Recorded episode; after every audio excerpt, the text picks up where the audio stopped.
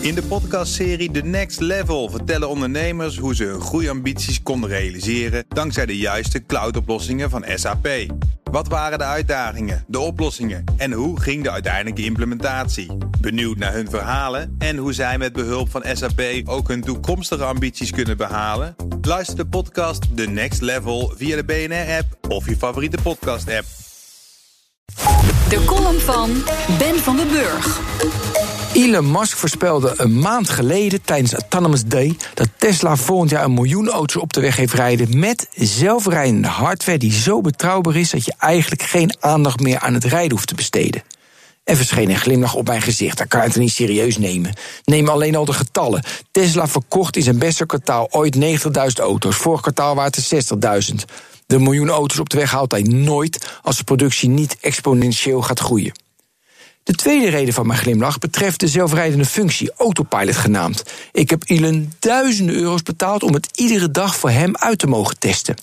Elon analyseert mijn rijgedrag en stuurt regelmatig updates naar mijn auto. Kon mijn auto bepaalde bochten nog niet zelf nemen, na een update heeft mijn auto bij dezelfde bocht mijn hulp niet meer nodig. Andersom komt echter ook voor. Bochten die mijn auto voor eigen rekening nam, vereisen na een update een ingreep. Ik heb daar desondanks toch weinig moeite mee. Het leren van de software vind ik namelijk boeiender dan het resultaat. Zelfs als Elon er een potje van maakt, zoals hij op dit moment doet.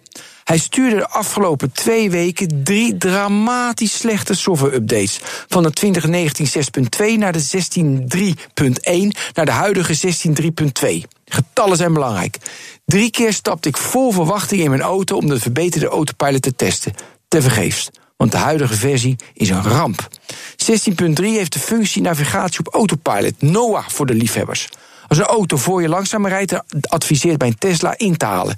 Je hoeft dan alleen je richtingaanwijzer aan te tikken en de inhoudmanoeuvre wordt dankbaar ingezet. Ook neemt deze versie zelf een afslag. Dat is handig, omdat ik dankzij de autopilot vaak afritten mis. Alleen werkt het niet.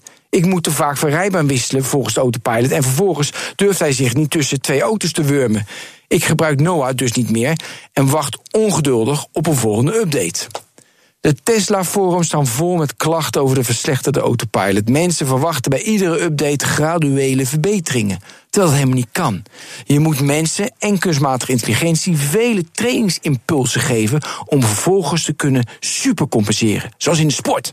Wat overigens niet betekent dat ik verwacht dat de 16.3.2 impuls ervoor gaat zorgen dat we volgend jaar volledig zelfrijdende auto's hebben. Nee, daarvoor heb je nog vele updates nodig. Ik blijf, en dat valt soms niet mee en is wellicht volledig onterecht, toch optimistisch. En fan.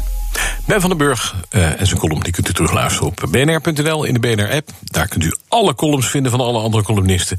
En daar kunt u ook podcast, waaronder winnende podcasts BNR Newsroom vinden. In de podcastserie The Next Level vertellen ondernemers hoe ze hun groeiambities konden realiseren dankzij de juiste cloudoplossingen van SAP. Wat waren de uitdagingen, de oplossingen en hoe ging de uiteindelijke implementatie? Benieuwd naar hun verhalen en hoe zij met behulp van SAP ook hun toekomstige ambities kunnen behalen? Luister de podcast The Next Level via de BNR-app of je favoriete podcast-app.